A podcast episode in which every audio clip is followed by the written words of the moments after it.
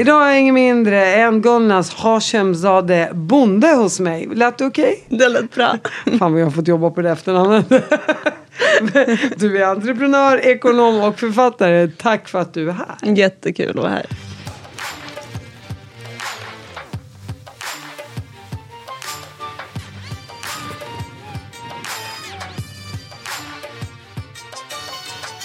Varför har du så jobbigt efternamn? Åh oh, du, jag har till och med strukit ett persiskt efternamn ur det ska du vara glad för. Berätta, hur låter det egentligen? Golnaz Hashemzade Baigi Bonde. Åh oh, herregud, ja, ni hör ju, det är inte mig det är fel på. Välkommen hit, Golnaz. Berätta för mig, du heter ju Bonde efternamn. Det är, lite, det är ju adligt efternamn. Ja, det stämmer ja. ja. ja. Hur känns det då? Har du klackringen på? Eller? Det har jag verkligen inte. Uh, jag tror ju inte riktigt på sånt, måste det, jag säga. Har du sagt det till din man? Ja, det har jag. Det har jag. Vad säger han då? Um, oh. Alltså det är inte något som är viktigt för honom. Uh, så. Men... Uh, nej, jag vet inte. Jag tänker att vissa saker är liksom ja, men som om man väljer om man tror på Gud eller inte. Liksom. Tror man på adel? Tror man på monarki? Alltså, jag, vet, jag vet inte. Tror du på monarkin då? Öppnade jag det? Nej men jag, alltså jag, jag tror ju inte på, jag ska vara ärlig, jag tror liksom inte på sånt som man föds till. Hej, jag Ryan Reynolds. At Mint Mobile, we like to do the opposite of what Big Wireless does. They charge you a lot, we charge you a little. So naturally, when they announced they'd be raising their prices due to inflation, we decided to deflate our prices due to not hating you. That's right. We're cutting the price of Mint Unlimited from $30 a month to just $15 a month. Give it a try at mintmobile.com slash switch. $45 up front for three months plus taxes and fees. Promo for new customers for limited time. Unlimited more than 40 gigabytes per month. Slows. Full terms at mintmobile.com. I'm Sandra, and I'm just the professional your small business was looking for. But you didn't hire me because you didn't use LinkedIn jobs. LinkedIn has professionals you can't find anywhere else, including those who aren't actively looking for a new job, but might be open to the perfect role, like me. In a given month, over 70% of LinkedIn users don't visit other leading job sites. So if you're not looking on LinkedIn, you'll miss out on great candidates like Sandra. Start hiring professionals like a professional. Post your free job on linkedin.com/people today. Eh, vi ska prata om, om dig innan vi kommer in på ditt hela entreprenörskap och eh, författarlinje så vill jag såklart höra lite om din uppväxt. Who are you? Ja, um, jag föddes i Teheran 1983. Uh, eh, det var efter revolutionen. Um, där mina föräldrar var aktiva. Uh, de var um, del av den rörelse som fällde shahen, den iranska kungen, 1979. De var vänster, de andra var islamistiska fundamentalister. Eh, fundamentalisterna fick makten och började och har ju fortsatt att eh, egentligen utrota sitt motstånd. Eh, vilket mina föräldrar tillhörde. Så dina föräldrar tillhörde vänstern och både vänsterrörelsen och islamiströrelsen mm. ville ha bort ville ha bort. Så där jobbade de ihop så att säga. Ja, mot samma mål. Och sen så visade det sig att det islamisterna ville var liksom något annat än de hade sagt. Eh, de hade ändå uttryckt sig på ett sätt som vänstern köpte. Men eh, vad jag har förstått ja, ett par år efter så blev det liksom tydligt vad agendan var. Till exempel skulle kvinnor plötsligt ha hijab på gatorna vilket persiska kvinnor inte hade innan. Eh, och man började införa liksom, sharia-lagar och, och så vidare. Um, så det blev något annat än vad man hade trott. Um, vilket ju verkligen liksom, präglade mina föräldrars liv sen hela vägen. Just det här jättestora hoppet, kampen, riskera sitt liv varje dag på gatorna i revolutionen. Och men mycket den typen av bilder man har sett från Iran. Och särskilt förra hösten. Uh, man har liksom sett sina vänner bli skjutna på gatan, fängslade, avrättade, torterade liksom, för ett större mål. Och sen så blir det bara extremt mycket värre än det var innan. Um, har det blivit det nu? Jag tänker, Det var någon som sa just det här med slöjan i Iran att de har blivit lite att, poli, att regimen där börjar förstå att vi kan inte stå emot tiotals miljoner människor. Att vi ser lite mellan fingrarna på de som inte sätter på sig slöjan. Precis. Så alltså, förra hösten så var det ju, det började med att Massa Amini blev Exakt, mördad. Mass, Massa Amini. Mm. Det som har hänt är ju att det är väldigt, väldigt många modiga kvinnor som ger sig ut och inte bär slöjan. För att de har nått en gräns. Men med att inte göra det riskerar de ju fortfarande att bli fängslade, misshandlade, våldtagna, mördade. Och det var ju bara för några veckor sedan som en ytterligare kvinna blev slagen till döds av regimen för att hon inte hade eh, slöja. Um, så jag skulle säga att det är snarare att det är modiga kvinnor än att, att de ser mellan fingrarna eller har blivit mer liberala. Tycker du, jag tänker på det som hände i Iran. Eh, tycker du att västvärlden vände Iran ryggen? Och kvinnorna där? Ja, man gjorde ju ingenting. Det var ju otroligt, det var ju sådana stora skrik på hjälp. Um, och det sjuka tycker jag är, jag menar jag har ju växt upp med de här historierna om vad som hände på gatorna um, i början på 80-talet och eh, vad den här regimen gjorde mot motståndare och så. Det som hände förra hösten var ju att vi kunde se bilderna.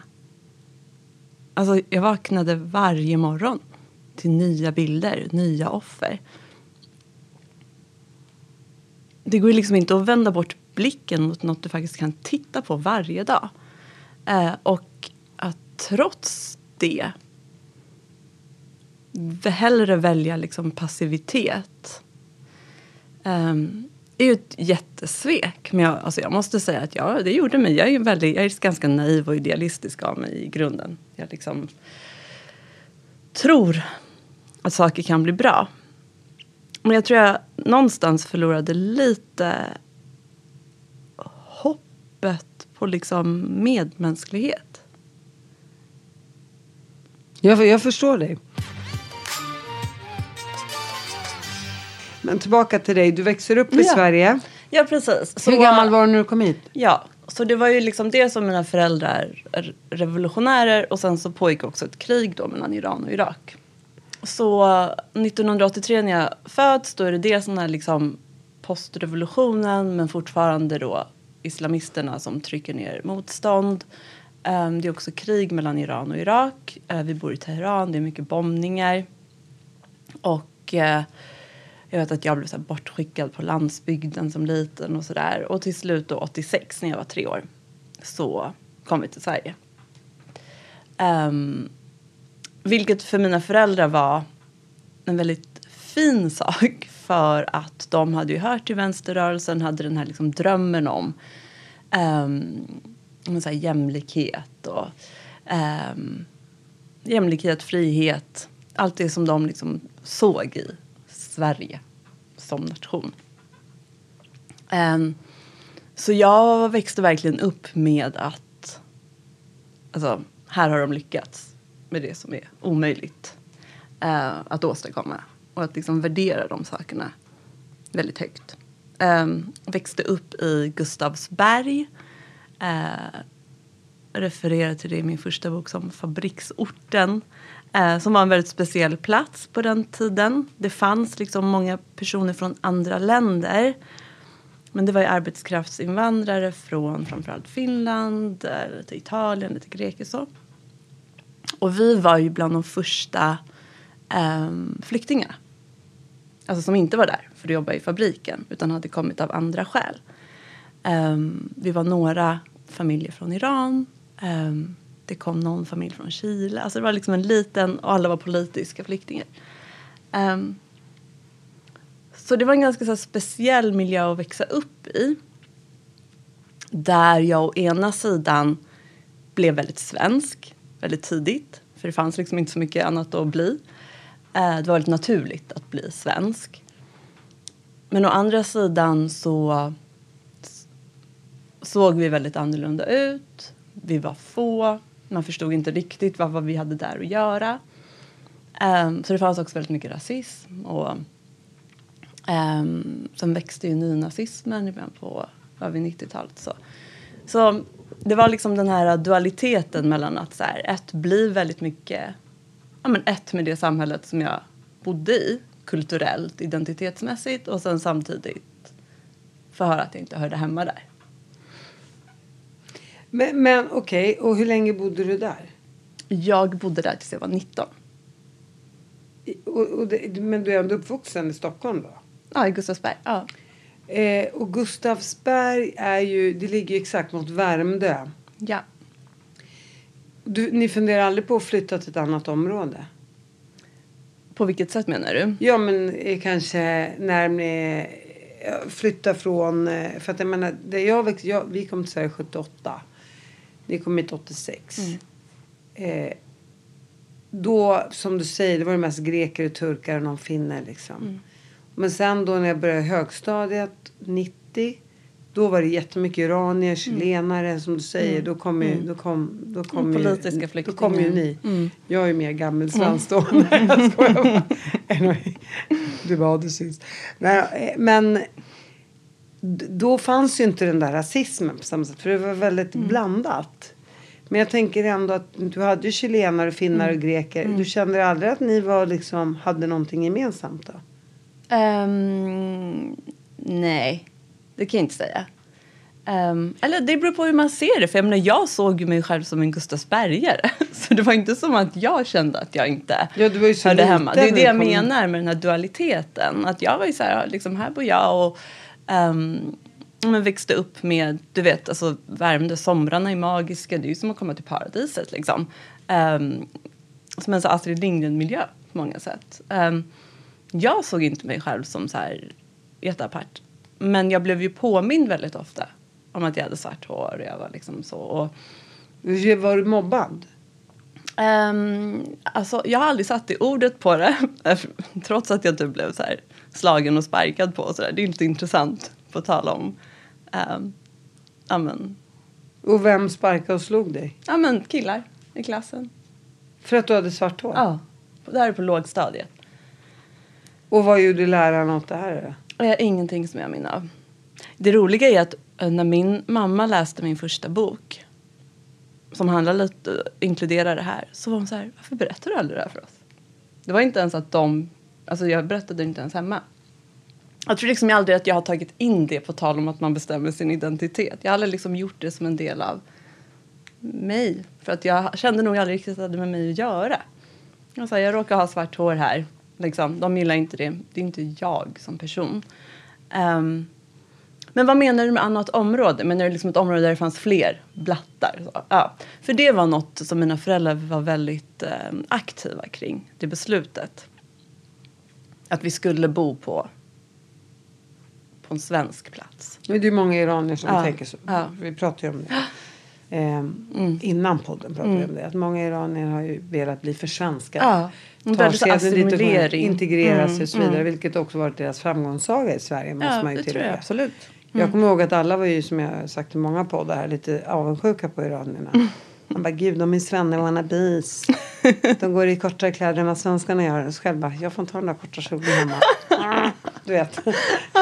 Det var bara ren och skär avundsjuka kan man ju erkänna idag. Men, ja. men, då ja, men jag man... tror också att det kom av att de, de iranier som kom då eh, var ju just Ja, men tänk dig liksom, det var ju den tidens mest progressiva personer i Iran som hörde till då den här vänsterrörelsen då som ville ha frihet.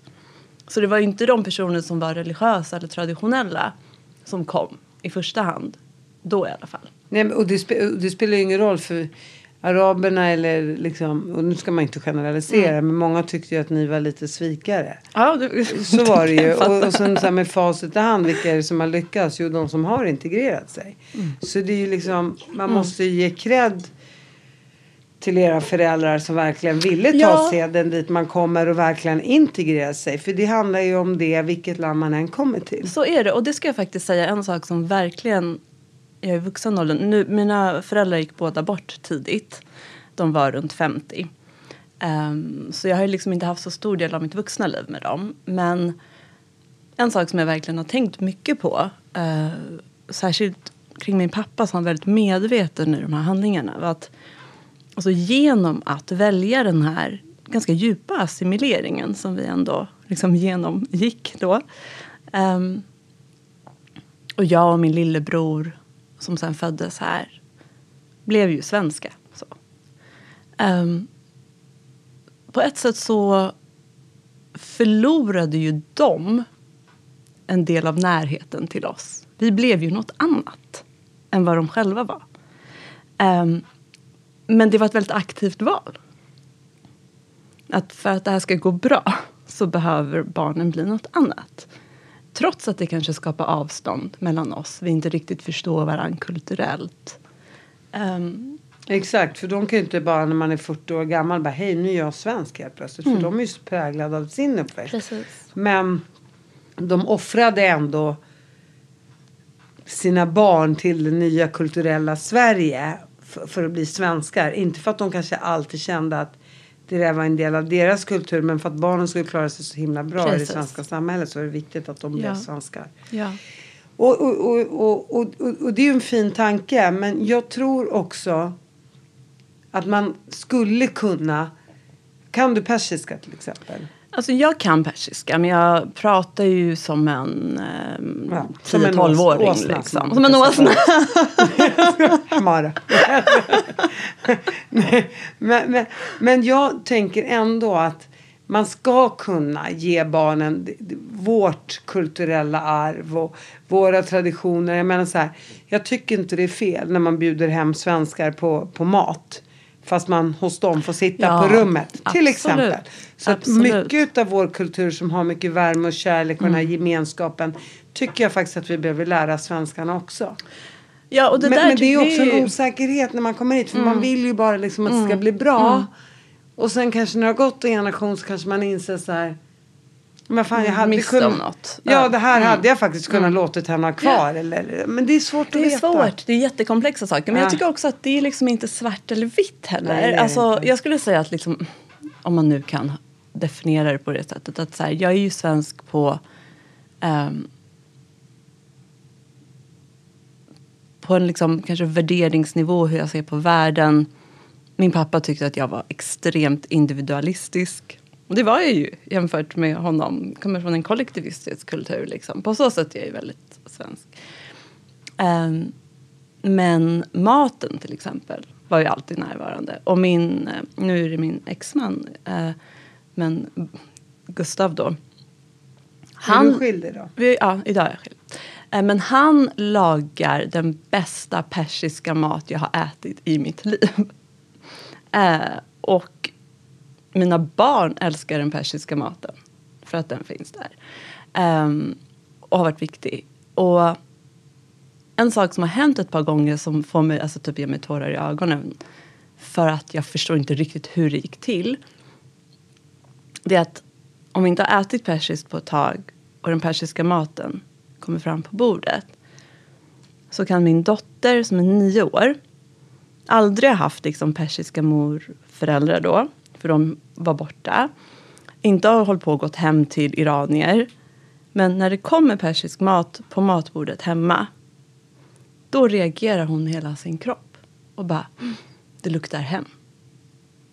Och det tycker jag är så fint. Att trots att man skalar av och liksom det finns, inget, det finns inget riktigt arv, det finns inte, människorna finns inte längre här ens. Så bärs någonting vidare. I det här fallet maten. Jag lyssnar fortfarande mycket på musiken. Eh, Gogush. mycket gogouche, absolut. Det är mycket gammalt, det är liksom den musiken mina föräldrar brukade lyssna på, som jag lyssnar på. Ehm, Mamma vänta jag måste hitta min identitet. Jag måste lyssna på mamma och pappas musik. det är verkligen så. Ja. Eh, men, men de grejerna... Jag är jätteintresserad av de här frågorna men jag har ju liksom inga svar. Att så här, de identitetsfaktorerna finns men det är inte de som styr hur jag lever mitt liv eller interagerar med samhället. Eller med, förstår du? Så någonstans finns det ju. Men var i mig det är, är svårt att peka på. Nej, och ibland kan man väl bara se sig själv som en världsmedborgare. Ja, man tar precis. lite av allting Ja. och så blir det goody-goody så länge man är schysst och bra. Liksom, Ja, och man, gör alltså vet jobb. du också vad det handlar om? Det handlar ju om att så här... Nu låter det kanske förenklande, men någonstans handlar det om att man gör ju det man behöver för att kunna ha det bra. Eller hur? Såklart. Men jag går tillbaka till dina tidiga skolår. Jag vet att vi, nu har vi snurrat runt här lite. Vi måste klippa i det såklart. Men om vi går tillbaka och du blir slagen. Blir du slagen även, du är slagen även på mellanstadiet och på högstadiet? Nej men det här är ju väldigt intressant då. För att på lågstadiet då har jag de här liksom tydliga minnessekvenserna. Alltså jag har alltså minnessekvenser när jag ligger på skolgården och det står ett gäng killar runt mig och sparkar liksom. Uh, men sen, alltså låt säga så här, det var lågstadiet. Mellanstadiet då var det kanske mer så här gliringar, du vet, svartskalle, turkjävel, bla bla. Men sen hände ju det intressanta. För när skolan liksom började bli på riktigt med betyg och så. Då kom det ju från de vuxna. Så jag, hade, jag var väldigt duktig i skolan. Eh, alltså verkligen så jag var duktig flicka fram tills jag var ungefär 28. När jag la ner det totalt. Ehm, Jag tänkte säga, jag har aldrig varit duktig flicka. Men okej. Ja, alltså det är Bravo. inte, ja, men det är inte så himla bra. Jag vill Alltså. vara det. Jag är glad över att inte vara det. Jag tänker väldigt mycket på det med min dotter nu. Att jag märker att impulsen är att kan hon inte vara lite duktig flicka? Och så jag så här, nej, fan hon ska inte vara det. Men jag var en duktig flicka. Jag liksom pluggade hela tiden, räckte upp handen, satt som ett tänt ljus på lektionerna. Um, och jag kommer aldrig glömma när vi skulle få betyg i svenska första gången. Och min svenska, svensk lärare, en lite äldre kvinna, tar mig ut ur rummet. Vi står utanför klassrumsdörren. Man går i åttan då, hur gammal är man? 13, 14? 14. ja. 14. Och så säger hon till, till mig att du ska veta att det spelar ingen roll om du har alla rätt på proven och räcker upp handen hela tiden. Du kommer aldrig få MVG i svenska för att svenska är inte ditt språk. Nähä, vad är det då? Jag vet inte. Sen skrev jag tydligen romaner. Så var hon, du vet. Men jag Har kommer du aldrig... skickat hem romanerna till henne? Alltså vet du, jag vet att en, en person skickade min första bok henne. Jag gjorde inte det. Men det var en annan lärare på skolan som hade hört det här som gjorde det. Ehm, men jag kommer aldrig glömma det ögonblicket. För det var verkligen så här. Vad är det hon försöker säga till mig? Förstår du? Vad är syftet med det här? Men samtalet. hon hade ju bara fördomar och var lite halvrasist antagligen. Ja, precis. Men jag var 14. Alltså, jo, ju- jo nej, men det är ju hål i huvudet på kärringen. Men så är det ju. Um. Och, och jag vill ju ändå bara tillägga det och säga att just svensklärarna är ju Mm. egentligen humanisterna. Alltså om, man, om, man, om, du, om jag går tillbaka till min skolgång. Alla mina svensklärare har ju varit de mest humanistiska Mm. av lärare så att säga. Alltid varit inkluderande och försökt höja upp människor och så vidare. Så att det, det, det, det, det klingar inte rätt på något sätt med din svensklärare. Nej, nej men hon, det var ju en speciell karaktär. Och jag menar, sen har jag ju haft, jag har haft fantastiska lärare Såklart. också. Eh, och henne hade jag inte hela högstadiet. Vilket var bra då för mina betyg. För det spelade ju ingen roll vad jag gjorde i hennes klassrum. Ehm, men eh, så det här, fann, det här fanns ju liksom på olika nivåer. Lite hela tiden. Um, men jag... ehm, jag skulle nog säga att just då så var jag ju självklart berörd av det. Jag minns, alltså, särskilt vill jag säga att en sak som var, det här är också så roligt med barn. För man är ju ofta så mycket mer, vad ska man säga, påverkad av det som händer ens föräldrar än det som händer en själv ju. Ehm, jag vet att det jag tyckte var jobbigast och mest smärtsamt under min uppväxt det var att röra mig i samhället i, med min pappa. Eh, som... Ja, alltså det var inte att han hade några särskilda hotfulla attribut. Men han var en man från Mellanöstern. Eh, och att gå runt i Gustavsbergs centrum eller i sporthallen, jag spelar mycket idrott liksom, med honom, han var ju alltid med. Eh, och se hur folk var mot honom. Hur man tittar på honom, tilltalar honom. Eh, det var ju liksom några gånger där man faktiskt gav sig på honom också. Eh, Verbalt och någon gång fysiskt som jag bevittnade. Det var väldigt smärtsamt. Vad gjorde du som barn?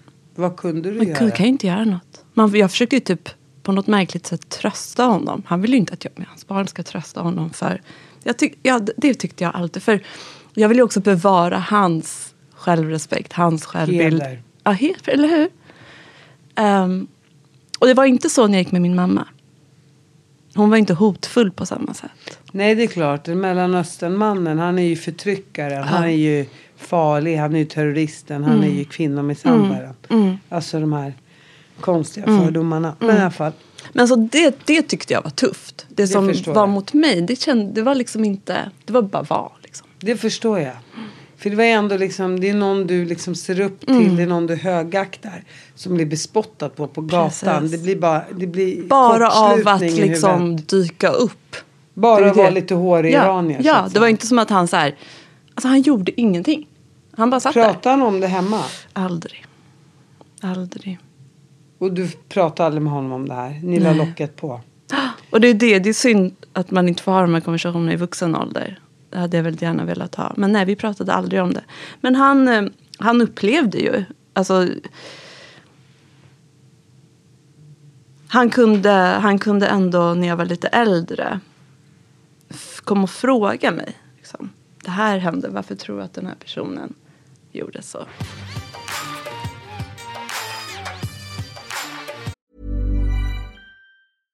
Hiring for your small business? If you're not looking for professionals on LinkedIn, you're looking in the wrong place. That's like looking for your car keys in a fish tank. LinkedIn helps you hire professionals you can't find anywhere else, even those who aren't actively searching for a new job but might be open to the perfect role. In a given month, over 70% of LinkedIn users don't even visit other leading job sites. So start looking in the right place. With LinkedIn, you can hire professionals like a professional. Post your free job on linkedin.com/people slash people today. Everyone knows therapy is great for solving problems, but getting therapy has its own problems too, like finding the right therapist, fitting into their schedule, and of course, the cost. Well, BetterHelp can solve those problems. It's totally online and built around your schedule. It's surprisingly affordable too. Connect with a credentialed therapist by phone, video, or online chat, all from the comfort of your home. Visit betterhelp.com to learn more and save 10% on your first month. That's BetterHelp, H E L P.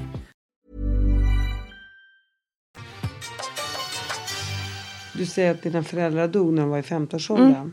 Hur gammal var du då? Jag var... oh, vad var jag? Jag var ungefär 27, 29 någonstans där. Så det var liksom innan jag gifte mig, skaffade barn och så. Och varför dog de? Alltså mitt svar på det är att de dog av sina trauman. Så, det är egentligen vad min andra bok heter, eller handlar om. Det vad min andra bok handlar om. Att man liksom, bara för att man flyr från ett helvete så blir man ju inte fri från varken det man har upplevt eller det man har förlorat. Och jag kunde ju se att de bar på det här i sig. Och sen så var att bygga upp ett nytt liv också ett trauma. Mitt i ingenstans, liksom, alltså, utan sammanhang, utan att ens egentligen ha velat. Um, så det som hände var att um, en kväll så ringde det på min dörr. Och när jag öppnade så var det polisen. Och de sa att min pappa hade hittat stöd. Och då hade hans hjärta bara stannat. Liksom, på ett ögonblick så. Eh, han var 50. Och eh, bara tre, fyra veckor senare så fick min mamma en fas 4 cancerdiagnos. um, äggstockscancer som hade spridit sig i hela kroppen. Um, så hon dog efter ja, ett par år efter det. Um, ja. Och har du och din bror varit nära i det här? Har ni kunnat prata om det? Absolut. Alltså vi, vi är väldigt nära. Vi umgås mycket med våra barn och försöker skapa ett sammanhang för dem av oss. Så. Eh, vi hade, vi hade, det var inte den lättaste barndomen. Det var mycket trauman som liksom låg på bordet. Det var mycket att hantera för oss. Vi, vi var ofta föräldern i rummet. Um, Men de levde ju ihop och de hade ju varandra. nej, de var skilda. De var De var skilda. skilda från att jag var 11. Ah, Så de levde båda ensamma. Okej, så ni bodde så varannan vecka, mamma och pappa? Ja, det var ännu mer komplext än så. För på, på den här tiden så gjorde man som så, vilket jag aldrig kommer förstå. Ehm, man delade upp oss. De fick en var. Och så hade vi helgerna ihop i princip. Ehm, och på olika sätt så fick vi ta hand om varsin förälder kan man säga. Ehm, Och deras traumatiska upplevelser från Iran och deras... eh, Precis. Och jag menar, det, fanns, det fanns jättemycket kärlek och värme och så. Men det fanns mycket som behövde hanteras. Eller som inte... Bearbeta. Be, precis. De hade egentligen behövt sitta hos en psykolog varje Ja, dag själva. vilket liksom... Jag menar, jag kan sitta hos en psykolog och prata om deras Alla behöver ju tömma sin skitpåse. Men de, flyktingar, alltså hur, skulle de sitta med en psykolog? Liksom? Nej men hälften har ju posttraumatisk stress utan att veta om det. Men Precis. det är ungefär som att säga så här, ja, oj jag hade ADHD för 20 år sedan. Det var ingen som, det var bara så här, ja. Precis. Vi Och det kommer var också från så här, kriget, vi mår dåligt ungefär. Precis. Och de hade aldrig haft varken liksom tiden eller resurserna. Eller, eh, och det, det är så roligt. För som sagt, min andra bok handlar om eh, eh, den föräldragenerationen. Och eh, den, eh, den fick stor spridning och gavs ut i många länder och så. Och sen så var jag, fick jag en inbjudan att komma till Duke University i USA som är ett ganska fint universitet. Så hade alla, alla mm, studenterna i en klass fått läsa boken över sommaren. Och så åkte jag dit för att föreläsa och prata med dem om det, vilket var en jättefin stund. Men det var också väldigt, jag blev lite full i skratt för att mot slutet så var det en tjej som räckte upp handen och tänkte liksom en, en så 18-årig amerikansk tjej som kommer från ganska väl bärgad bakgrund. Så. Hon bara, men varför gick hon inte bara i terapi? Och att så försöka förklara för den här tjejen att liksom vem gick i terapi på 1800-talet? Nej men typ. Ja, men också så här, vem går i terapi som kämpar med att bygga upp ett nytt liv? Alltså vem har tiden? Jo, men vem vet ens om vad terapi är för 30 år sedan? Det var ingenting man pratade om på samma sätt som nu. Och, och också så kan det ju vara så att i, i våra länder, nu säger jag våra, liksom, nu drar alla över samma kam, men Mellanöstern då är det så mycket man pratar med familjen, man pratar med släkten, vänner, ingenting är tabu. Jag mår dåligt, jag vill bara ta livet av mig, allt det här. Alla säger det högt och tydligt, så det är ingen som gör det. Men man gör det inför en grupp av människor. Kommer man till Sverige och är redan utstött liksom, och så ska man så här, skydda sina barn, man ska integrera sig så här. Det här med att prata ut och prata av sig, vem ska man göra det till? Ja, och det där är ju Det är svårt, jätteintressant. du? Absolut. Och det är ju också, jag tror att det jag nämnde tidigare det här med att liksom att en av de mest framträdande svenska dragen är individualismen då. Att eh, man blir ensam. Man kommer från ett jättestort sammanhang.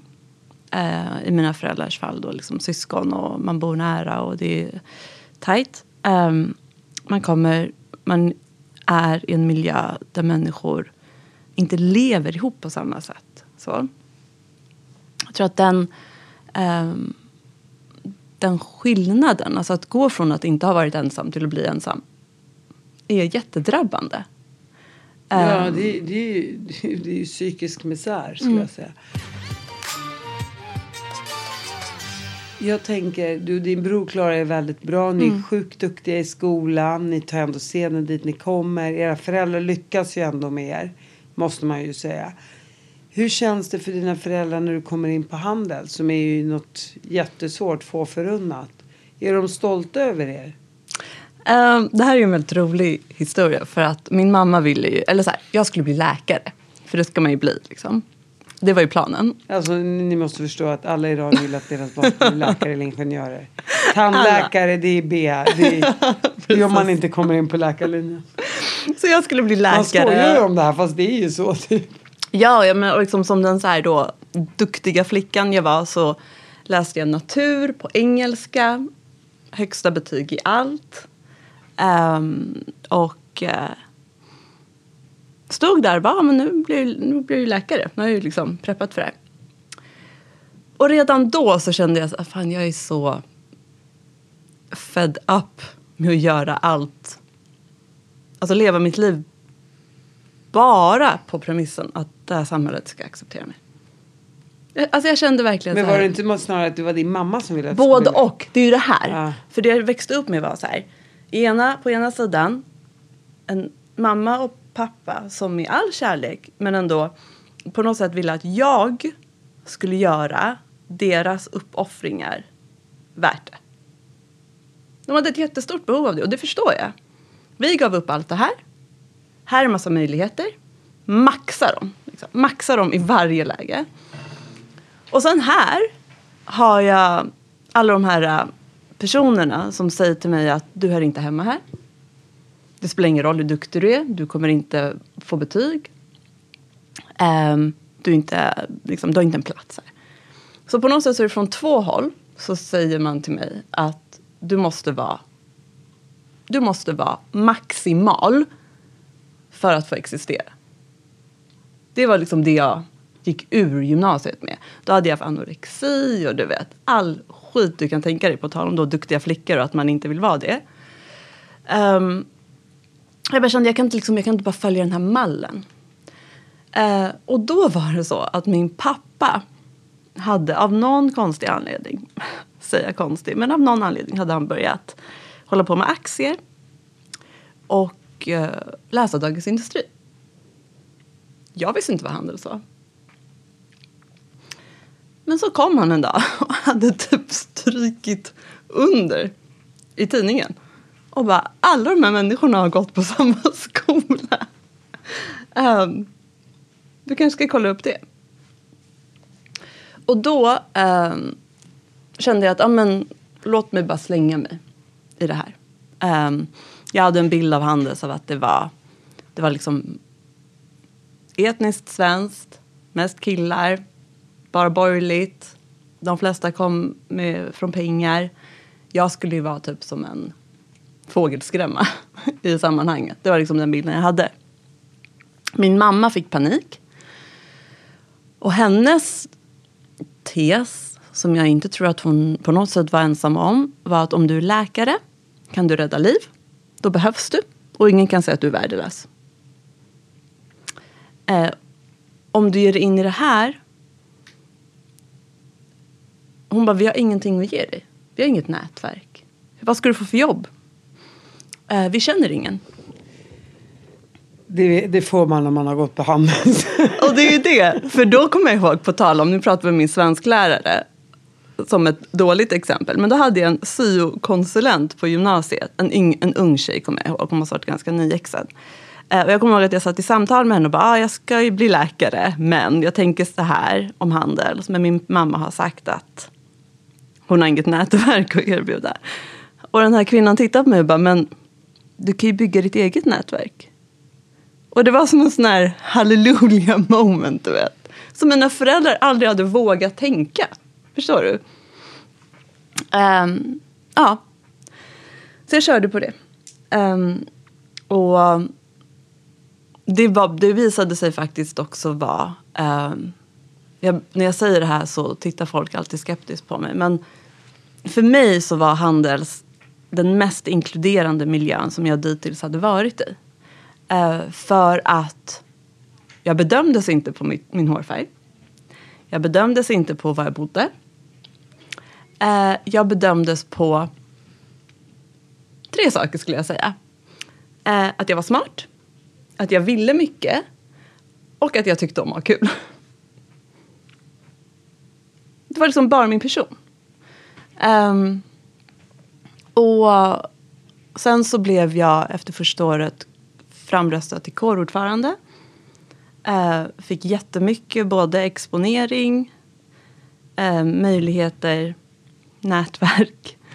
Ja, jag kan liksom säga att på många sätt så har jag egentligen aldrig känt mig så hemma någonstans som där. För att det inte spelade någon roll var jag kom från. Och nu vet jag att det finns folk som har upp, andra upplevelser. Men för mig var det verkligen så. Vad började du jobba? Vad är ditt första jobb efter det? Um, alltså här hade jag ju då en lite sökande period. Jag fick ju, alltså jag är så tacksam för det. Men jag fick, när jag växte upp. Det ordet jag fick höra oftast var MK-not. Vilket betyder möjligheter. Okej? Okay? Här finns massa möjligheter. Ta varenda en. Och jag sprang. Liksom. Vad tror du händer när man blir kårordförande på Handels? Dignande buffé av möjligheter. Du träffar allt och alla. Liksom. Inom och, näringslivet? Inom näringslivet. Mm. Och jag var ju inte bara då, nu är jag vuxen nog att jag får säga, att jag var inte bara smart, för det var jag, men jag var också väldigt driftig. Så jag tog ju tillvara på allt det här. Och jag var överallt. Um, jag lyckades övertala McKinsey att ta in mig fast jag... Alltså jag hade inte hunnit plugga så länge. För jag var ju kårordförande på heltid. Och du vet.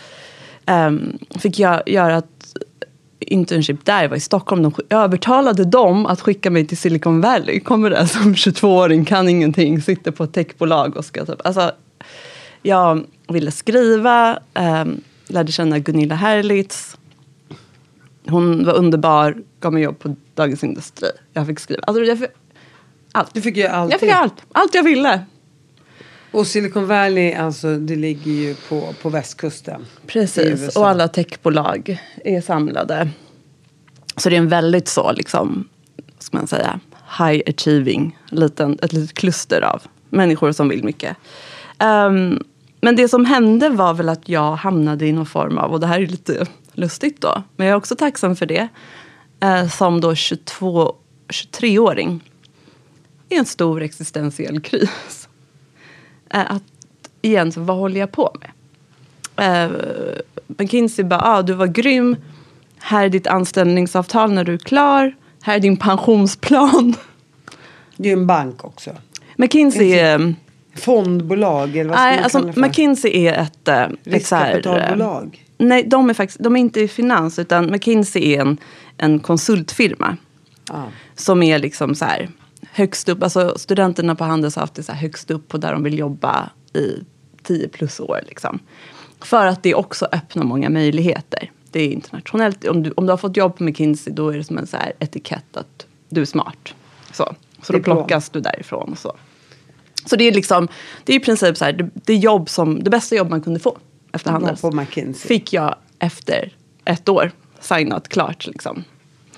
Um, så vad då? du jobbar och pluggar samtidigt då? Ja, alltså jag tog, jag tog ledigt från studierna för att jobba fast jag inte ens var klar med studierna. Men vänta, vänta, jag måste fatta mm. här. McKinsey såg till så att du kom till Silicon Valley. Ja. Så det var inte så att du jobbade på McKinsey. Jo, jo precis. Du jobbar på McKinsey. Mm. Men du säger att de är ett bolag som... Jag måste hänga med här. Ja. De gör konsultuppdrag okay. åt stora företag. Okay. Och så finns de över hela världen. Och, jag, och det är så här, svårt nog att få jobbet där. Och, under, som internship då, som det heter, man, när man inte är klar med plugget. Men jag, vill, jag var inte nöjd med det. Att jag hade övertygat dem att ta in mig fast jag inte ens hade hunnit plugga en kvart. Jag lyckades också övertyga dem att våga skicka mig till USA. Som konsult, för att jag ville det. Liksom. Ja. 22-åring, ingen examen. Inom liksom. techbolagsbranschen. Ja, ja. Och du kunde ingenting om nej, tech? Nej, jag kunde ingenting om någonting. Jag, jag var smart, jag ville mycket. Ja. det var liksom. Men det, poängen är att jag brände ljuset i båda ändarna i raketfart. Liksom. Um, Då allt, blir man ju utbränd till slut. allt som var prestigefyllt, bäst, som liksom förklarar... Det här är det sorgliga då, om vi kommer tillbaka till identitetsfrågorna Allt som förklarar för omvärlden att jag är bra vill jag bara samla på hög. För att jag hade vuxit upp med det här. Att Att, du- så här, mm. du har ingen plats här. Så jag bara körde. Och vid 22, så, vid 22 23 så kände jag att jag kan inte göra det. Och det här är väl liksom den största insikten kanske jag har fått i mitt liv.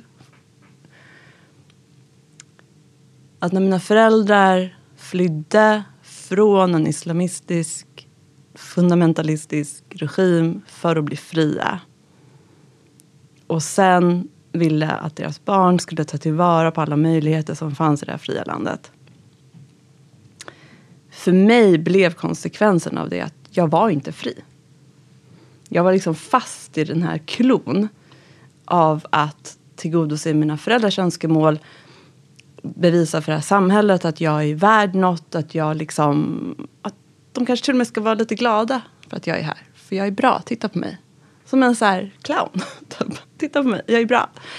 Ehm, och det var, var en jätte, jättestark drivkraft. Och som jag då i den åldern kände att det här, kan, det här är inte ett liv. Alltså Man kan jag- ju säga att du har haft en dålig självkänsla med ett jättebra självförtroende. Ja, absolut. Men också liksom en fel bild av vad det är att leva ett gott liv, du vet, ett fritt liv. Att som bara vara bunden av eh, andra personers öga på mig. Har du träffat många med samma situation som du i Sverige? Alltså jag har träffat väldigt många som fortsätter, ska jag säga. Alltså som i, i min ålder idag, nu är jag 40, som fortfarande kör på samma. Det har jag gjort. Jag har inte träffat jättemånga som har varit så här, vänta nu, vem jag är det här för? Det har jag inte.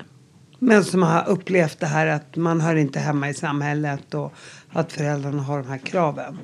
Kraven har jag hört mycket. Jag kan uppleva att folk kanske inte riktigt... Det här är då min, mina ord, min tolkning. Jag kan känna att folk kanske inte riktigt vågar sätta ord på vad de har känt och upplevt i termer av du hör inte hemma. Som där med din mobbning nu som du för första gången. Jag har aldrig använt det ordet. Jag har berättat om det som har hänt men jag har inte satt det ordet på det. För att det finns väl liksom någon skam i det. Precis som det fanns en skam när min pappa blev liksom utsatt. Man, man vill ju inte bära på det här. Det är inte liksom det här att så, här, säga att det var en drivkraft. Det, det, är, det är komplexa frågor. För man måste, alltså jag tänker att så här, livsresan kommer ju sen att handla om att så här, kunna skilja på sitt eget jag och på det man har fått höra. Det nedsättande man har fått höra och uppleva. Och kunna ha dem separerade från varandra. Nej, och där har ju mina barns pappa, Gustav och jag, vi har ju extremt olika erfarenheter då. För han växte ju upp med så här, det här, det här tycker jag är det magiska liksom, ordet på något sätt. Han växte upp med så här, gör vad du tycker är kul. Jag ska säga det. Att jag hade, jag hörde aldrig någonsin i, under min barndom, ungdom, ha kul. Det fanns inte. Vi var inte här för att ha kul. Förstår du? Nej, vi var här för att anpassa Nej, men oss. vi var här för att jobba hårt. Ja, det var ja. så här, jobba hårt. Det fick jag höra. Men ha kul. Jag var på en lyckokryssning med Amelia. Där hon så här, har med sig författare på en båt och så är det liksom ehm, pratar om sina böcker. Och jag, jag tycker namnet är lite roligt att det heter lyckokryssning. Um, men så stod jag där, på tal om så här duktig flicka också, min son var typ tre månader, hade honom i sele på scen liksom hela tiden. Man bara, stanna hemma och ta hand om ditt barn istället för att gå och föreläsa. Men jag stod där och bara så här, Du och Gunilla von Platen. Precis. alltså, på tal om duktiga flickor då. Ehm, jag stod där och bara så här. Jag har, ingen har någonsin, och då var jag, när han var liten var jag 35. Jag har aldrig haft liksom, nu har jag det, men så här, jag växte inte upp med att så här, lycka var ett livsmål. Att ha roligt var något man pysslade med. Det fanns inte. Alltså det var liksom jobba hårt, skapa ett liv, se till att det är tryggt och stabilt. De glömde bara meningen att ha kul längs med vägen. Precis. Ja, det fanns liksom inte. Och det är väldigt dubbelt för att idag, eftersom jag har gjort det här arbetet sen jag var 23 då och vridit om mitt liv. Men ändå har med mig den här grunden. Så är jag ju tacksam. Du vet, jag har min utbildning, jag har mina erfarenheter, jag har mitt, liksom, haft mina möjligheter. Eh, så jag kan inte säga att jag idag fördömer det de gjorde, för jag lever ett jättebra liv. Tack vare. Du. Ehm, så det är superkomplext. Jag menar, kan jag... Och jag har kul på grund av. Du fick höra att det skulle ha kul. Alltså, ja. tycker ditt liv är så jävla intressant. Du har skrivit tre böcker och det handlar ju om din uppväxt och bakgrund. Du har gått på Handels, du har haft toppjobb. Du har ju till och med jobbat med gräsrotsorganisationer. Berätta lite om det. Ja, men det var ju då när jag bestämde mig för att jag skulle göra, inte skulle försöka göra alla andra nöjda med mig utan så här, följa, följa, eller hitta, följa är fel ord. För då skulle jag ju så här, hitta, finns det någon där inne? Eh, men det fanns det ju. Och när jag skulle följa det då var det så här, jag hade drömt om att bli författare hela livet. Alltså när jag var liten, då var det så här, jag älskar att läsa, det är det enda jag vill. Min pappa sa till mig eh, att eh, han uppmuntrade det väldigt mycket, alltså kultur överhuvudtaget. Men han var så här, det är en hobby. Du måste ha ett riktigt jobb. Vi har inte råd att gå och bli författare. Du måste ha en inkomst, en utbildning, en inkomst liksom. Det där kan du göra på sidan av.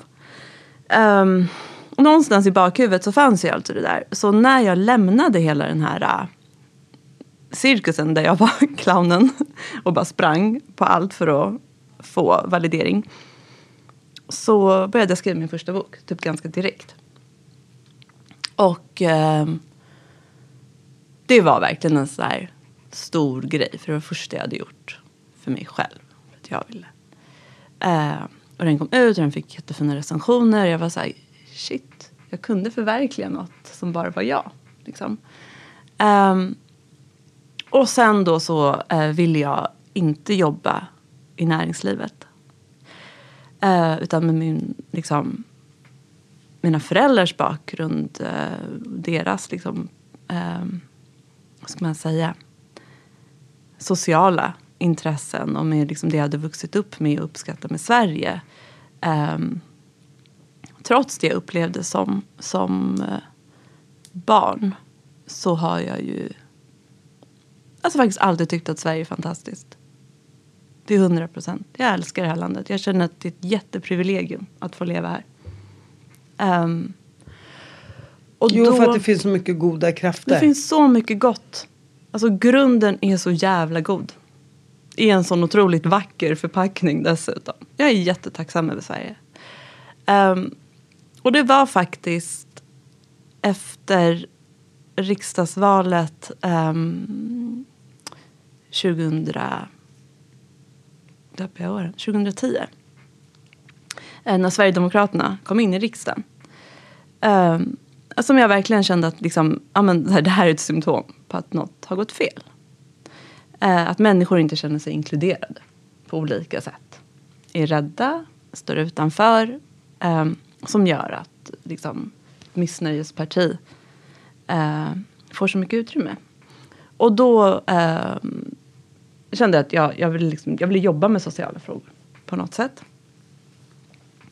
Eh, och ihop med en, eh, en person som jag lärde känna eh, när jag var kurdförande på Handel som heter Per-Olof Söderberg som eh, ja, men är liksom finansentreprenör. Eh, så drog jag igång en social organisation som heter Inkludera. Som hittar liksom starka egentligen entreprenörer, sociala entreprenörer. Som har utvecklat ett, ett nytt sätt, ett effektivt sätt att stötta en målgrupp som riskerar utanförskap på olika sätt. Som verkligen hjälper målgruppen. Ehm, Går ni in med pengar då? Nej, det är det vi inte gör. Vi trodde först att vi skulle göra det.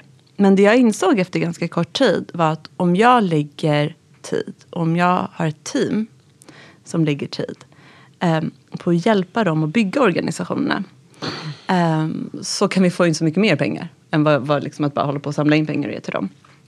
Så det vi har gjort ger dem kunskap helt enkelt? vi jobbar med dem. Vi jobbar jättetajt. Går in som, som man går in i ett bolag, liksom, fast utan pengarna. Eh, vi går in och eh, liksom bygger en professionell organisation. Det vi gör som är liksom vår grej är att vi tar det som de är riktigt bra på. Typ? Ehm, jag brukar ta exemplet maskrosbarn för att många känner till dem. Um, grundarna kommer själva från målgruppen. Det är en jätteviktig faktor, just den här gräsrotsaspekten. Att man kan målgruppen. Det är inte någon som kommer uppifrån och bara, så här ska vi hjälpa er. Det är någon som har fått uppleva det själv. Precis. Vet vad som fattas, vet vad som behövs. Um, och uh, har utvecklat ett sätt att jobba med den här målgruppen.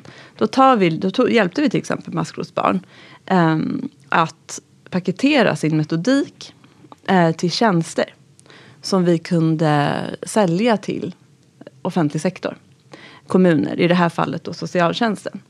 Så att eh, maskrosbarns lösning kommer in i systemet. Eh, de får en finansiell hållbarhet, för de får betalt för det, för det arbete de gör. Och de når och vad, fler och fler unga. Men det här är ju en, man kan ju säga att du, du har ju BRIS i en organisation. Maskrosbarnen är mm. en.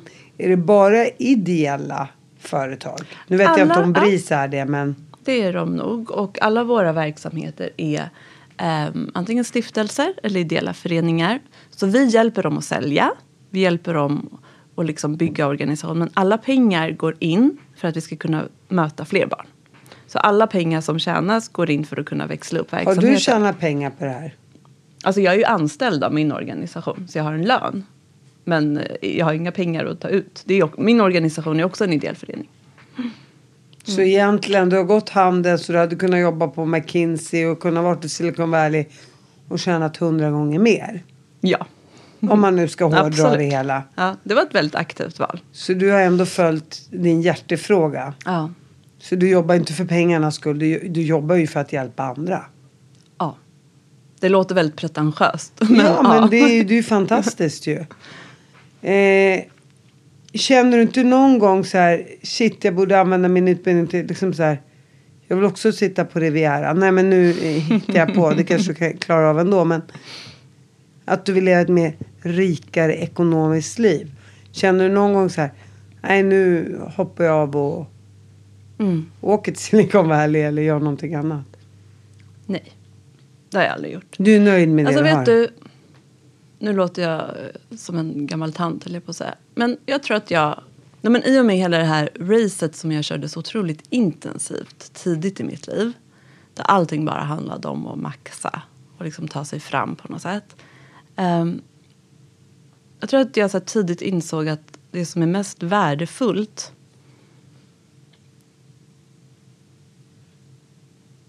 är ju inte sånt man köper med pengar. Alltså att vara närvarande. Att ha tid. Eh, att eh, känna att det man gör i bästa fall förhoppningsvis är en människa till hjälp istället för att, som det ofta faktiskt är, vara människor till hjälp. Så, om man liksom ska maxa ekonomiskt. Um, och Nej, däremot ibland så kan jag känna att uh, och det här är ju på tal om balansgången då. Ibland kan jag känna att ja, men det hade väl varit fint att kunna göra ännu mer för barnen. Alltså du vet så här, om, du, om vi ska prata resor eller så. Det hade varit fint att ha mer pengar. Ha ett eget sommarställe och så vidare. Um, samtidigt som jag är inte heller säker på att det hade varit det bästa för dem. Förstår du? Alltså, det är väl bra att de också lär sig att allt inte finns serverat.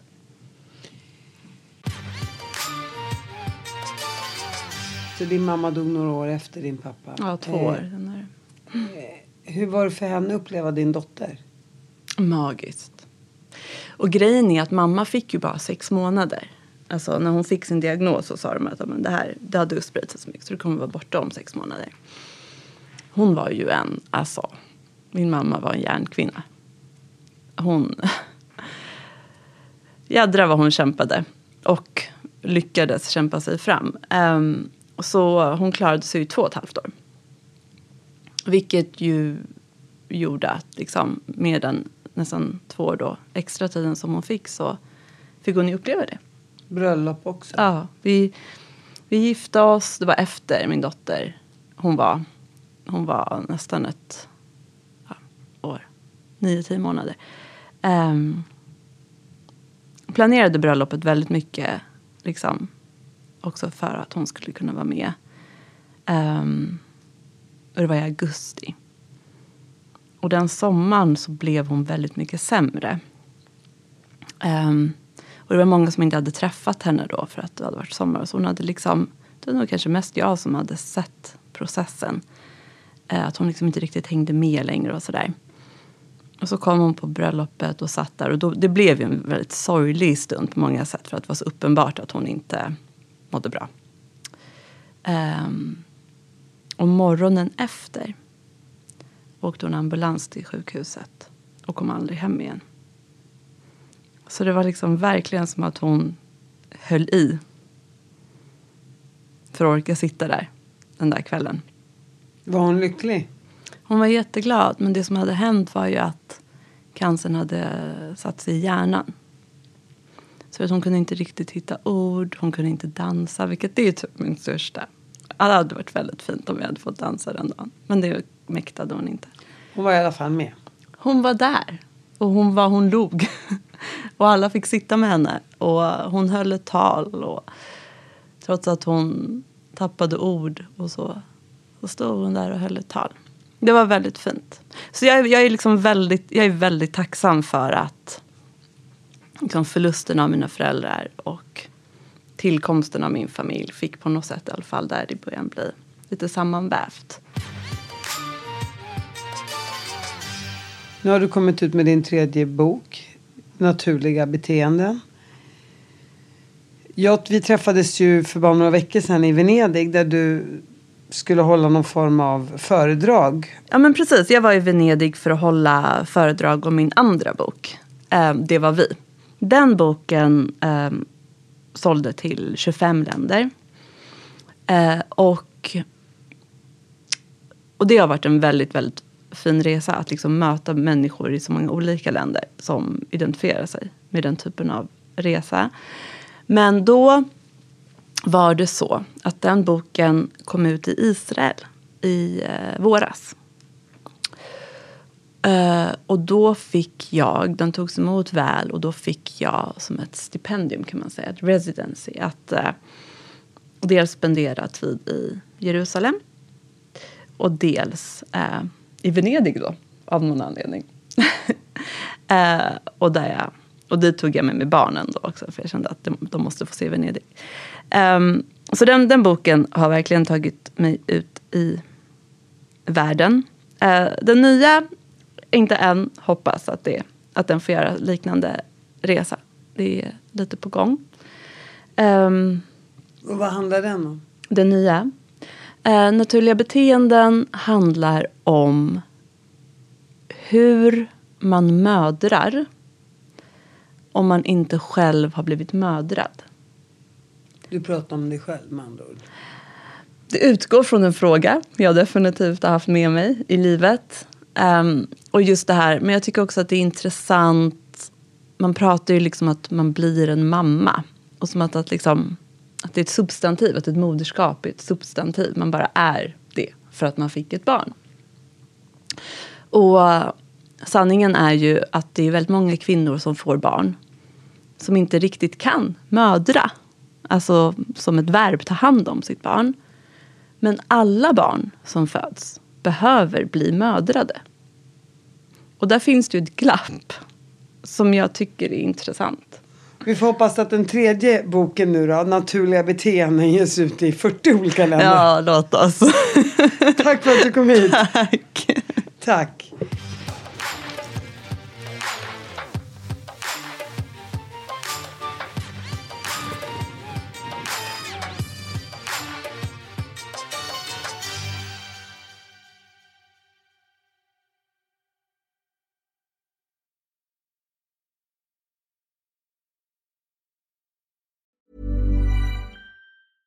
Mom deserves the best, and there's no better place to shop for Mother's Day than Whole Foods Market. They're your destination for unbeatable savings, from premium gifts to show-stopping flowers and irresistible desserts. Start by saving 33% with Prime on all body care and candles. Then get a 15-stem bunch of tulips for just $9.99 each with Prime. Round out Mom's menu with festive rosé, irresistible berry chantilly cake, and more special treats. Come celebrate Mother's Day at Whole Foods Market. Even when we're on a budget, we still deserve nice things. Quince is a place to scoop up stunning high-end goods for 50 to 80% less than similar brands. They have buttery soft cashmere sweaters starting at $50, luxurious Italian leather bags, and so much more. Plus, Quince only works with factories that use safe, ethical, and responsible manufacturing. Get the high-end goods you'll love without the high price tag with Quince. Go to quince.com/style for free shipping and 365 day returns.